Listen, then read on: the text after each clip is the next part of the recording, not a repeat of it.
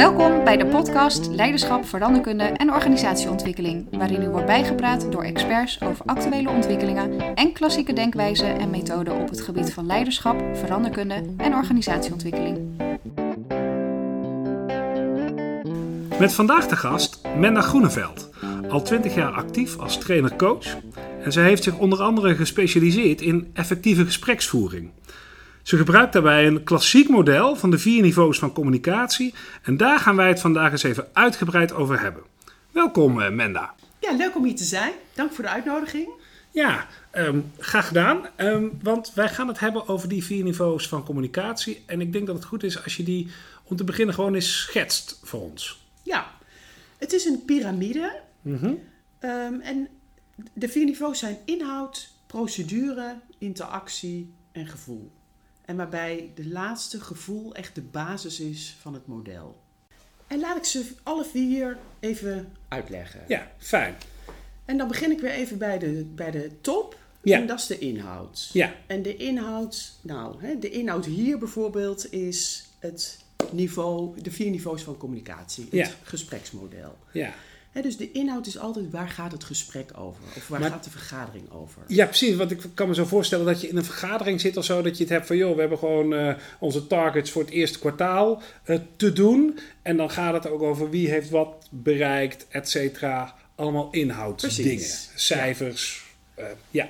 En eigenlijk is Help. de inhoud natuurlijk altijd het, het belangrijkste in een gesprek. Daar, hè, daar gaat het over. Daarvoor Daarom zit je bij elkaar. elkaar. Ja, ja, Precies. Hè? Daarom ja. zitten wij ook hier. Ja. eh, dat gespreksmodel. ja. En ehm, nou, dus dat is de eerste, en, eh, eerste laag. En op die laag kun je natuurlijk ook interventies doen. En dat is bijvoorbeeld vragen stellen.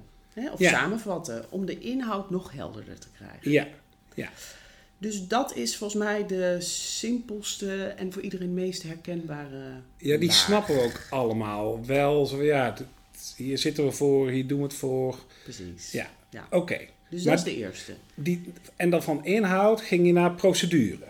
Ja, dat is de laag die daaronder zit. Ja. En die gaat vooral over hoe voeren we het gesprek met elkaar. Ja. En in vergaderingen ehm, besteden we daar best veel aandacht over. Eh, besteden we daar best veel aandacht aan. Hè? Want dan gaat het over de structuur van de vergadering. Ja. eh, welke agendapunten hebben we? Hoe lang besteden we per agendapunt? Ja. Ehm, alleen in één op één gesprekken, ja, dus, soms doen we het wel, maar ook heel vaak doen we het niet. En gaan we gelijk, beginnen we gelijk met de inhoud. Ja. Ja, want is, ook, is het ook makkelijker in een vergadering omdat je dan een voorzitter hebt die een beetje voor zo'n procedure kunt laten zorgen? Precies. Joh, Menda, jij hebt nu genoeg eh, gezegd. Het is nu tijd voor je collega om Precies. ook een punt te maken of zo. En het is daar natuurlijk eigenlijk vanzelfsprekend de rol van de voorzitter. Ja. Terwijl, eh, ja, als, er- hè, vaak zeggen mensen, ja, maar er is geen voorzitter. Ja, dus dan betekent het dat je eh, toch je eigen verantwoordelijkheid mag pakken. Ja. En dat wordt dan ook gemist blijkbaar in zo'n ja. gesprek. Zeker. En, en jij zegt in een één op één, ja, als wij nu hier praten, is het natuurlijk heel gek als ik ook een beetje opeens nu een voorzittersrol ga pakken. Want ja, wij praten gewoon samen.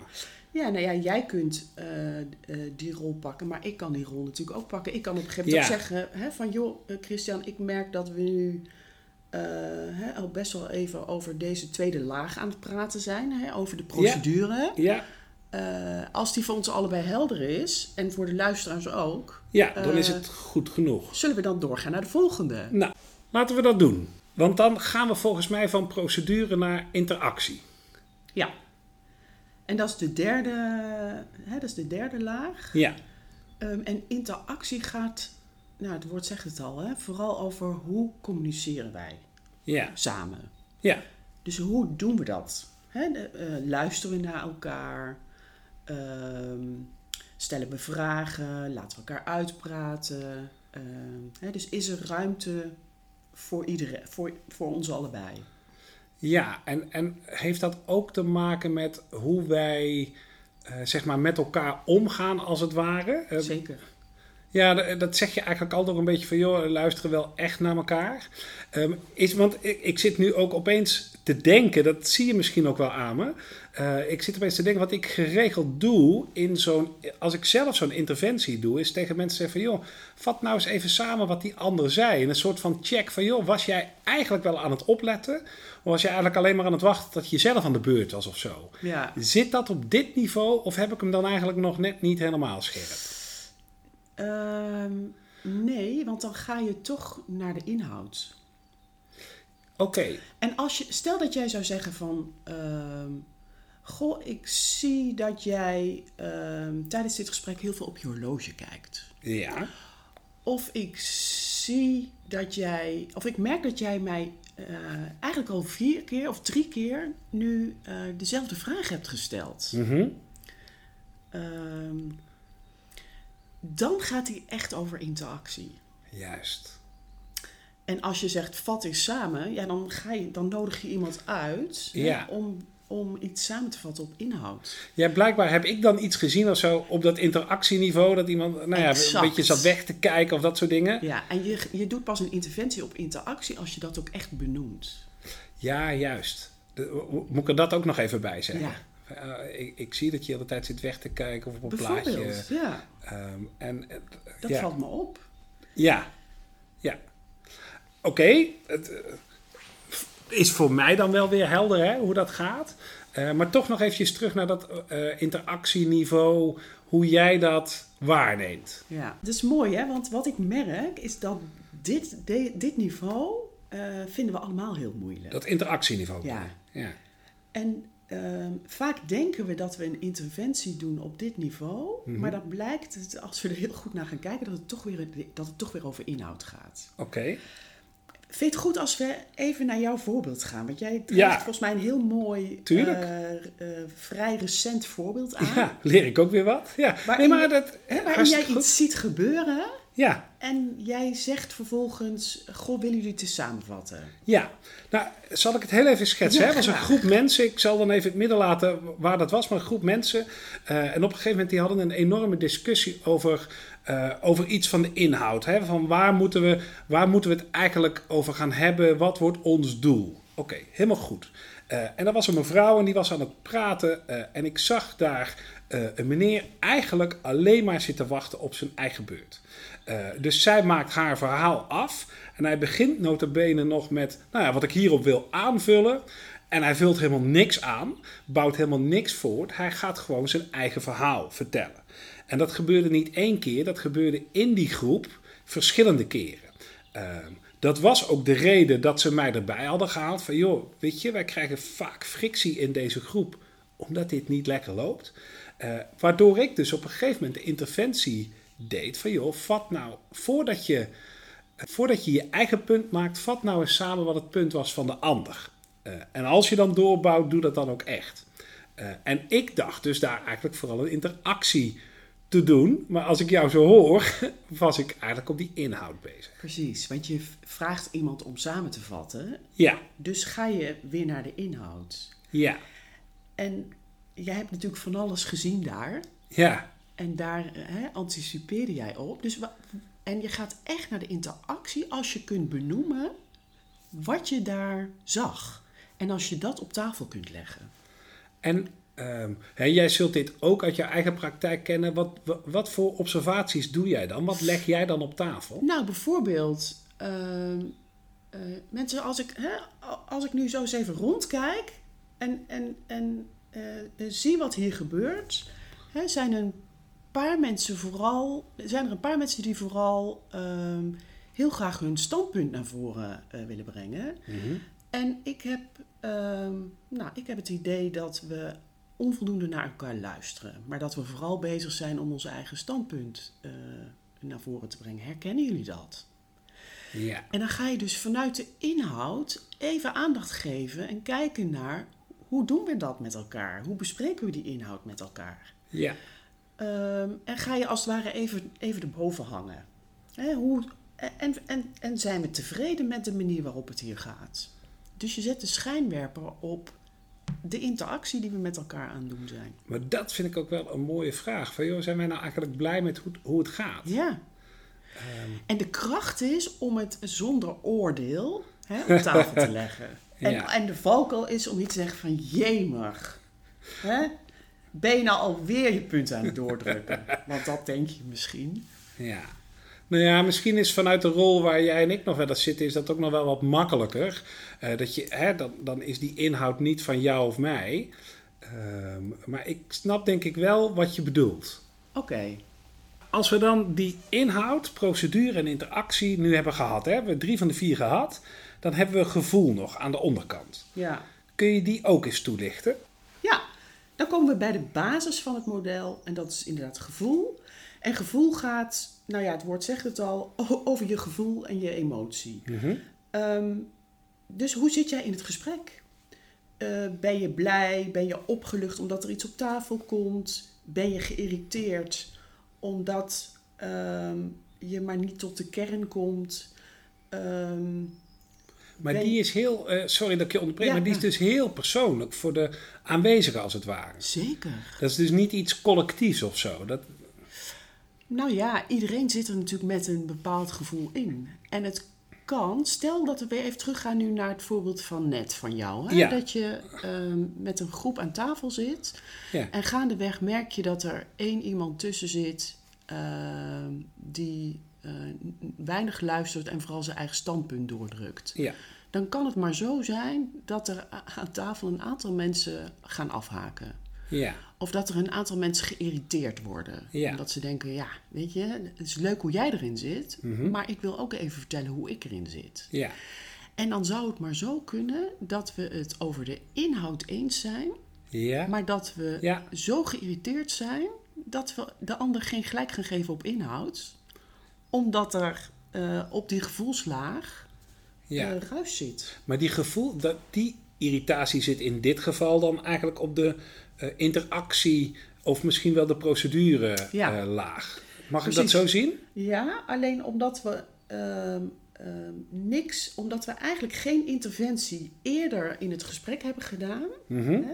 Kijk, stel dat we gelijk een interventie hadden gedaan eh, op interactie over hoe we met elkaar omgaan. We hadden Ja. besproken en we hadden hè, nieuwe afspraken gemaakt over hoe we deze vergadering gaan doen. Hoe Ja. we naar elkaar gaan luisteren en dat we hè, allemaal bijvoorbeeld een minuut even onze ideeën ventileren. Dat soort dingen. ja. Ehm, dan kan het dat daarmee de kou uit de lucht is en dat we op inhoud hele goede stappen zetten. ja. Stel dat we dat niet gedaan hebben of onvoldoende, dan kan het dat die naar gevoel zakt. Ja. dus dat je op de, inter- op de laag van gevoel een interventie moet doen, ja. omdat er een aantal mensen zijn afgehaakt, geïrriteerd zijn. En, En- dan moet dat dus echt op tafel komen. En doe jij dat ook gewoon zo heel, zeg maar, bijna eh, blunt, zou ik het zeggen? Van joh, hoe, hoe, wat voel jij nu? Hoe zit jij? Z- Zijn dat ook interventies die jij doet?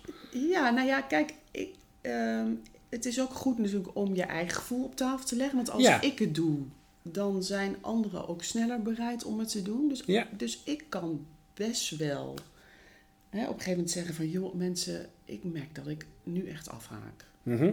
Of Ja. ik merk dat ik nu echt eh, geïrriteerd word. Ja. En hè, als ik het bij anderen zie, ehm, dan kun je dat eigenlijk net zoals bij interactie benoemen. Hè, van goh, ik merk nu aan de manier waarop jij reageert, Ja. ehm, dat, dat je het er niet mee eens bent. Of dat je, hè, dat je geïrriteerd raakt. Ja.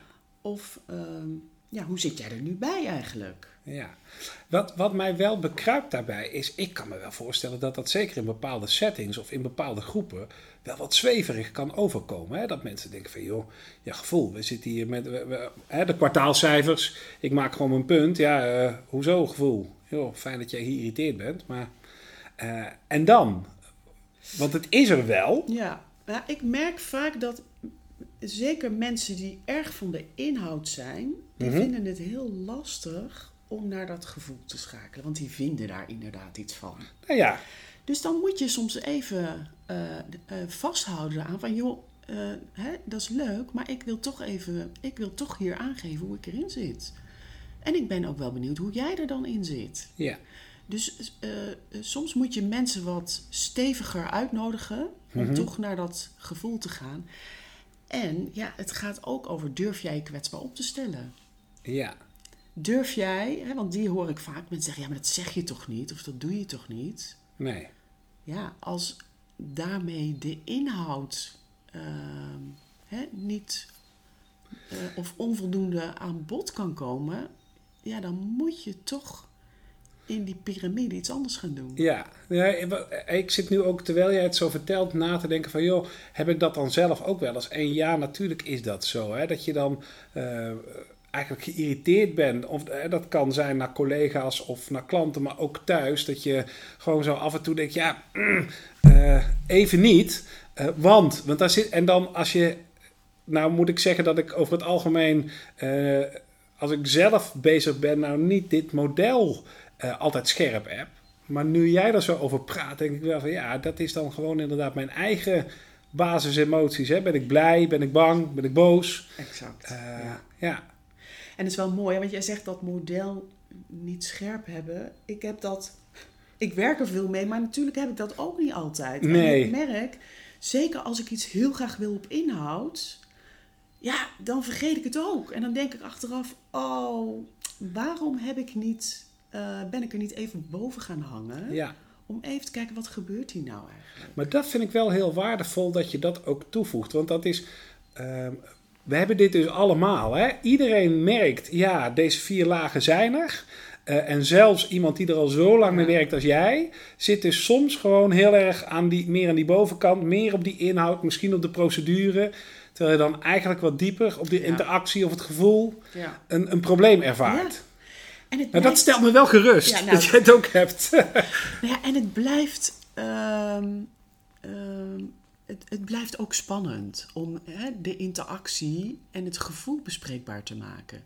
En ik noem het ook vaak hè, het stuk onder tafel en het stuk boven tafel. Ja. De inhoud en de procedure, ja, zeker in vergaderingen, hè, ligt dat op tafel. Maar die interactie en, die en dat gevoel, ja, vaak bespreken we dat na afloop bij het koffiezetapparaat.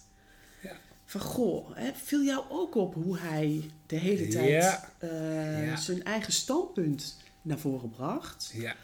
Of hè, zag jij ook uh, uh, dat we heel weinig naar elkaar luisterden? Ja. Of jeetje, ik ben echt helemaal klaar hiermee. Hè, dat gevoel. Ja, dat maar durf je het ook op het moment, in het gesprek, durf je het dan ook op tafel te leggen? Ja, dat zeg je mooi.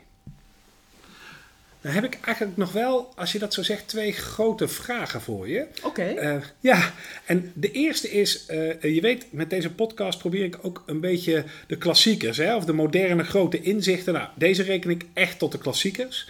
Um, ja. uh, en dus zat ik ook te bedenken, ik denk dat heel veel mensen deze kennen ook geregeld gebruiken, ik ook. Uh, maar waar komt die nou eigenlijk vandaan? Ja, die, die vraag snap ik. Um, en ik heb um, uh, zitten zoeken. En het is niet helemaal eenduidig. Uh, waar ik uiteindelijk terecht kwam was bij Watzlawick. Mm -hmm. En Watzlawick is een communicatiewetenschapspsycholoog.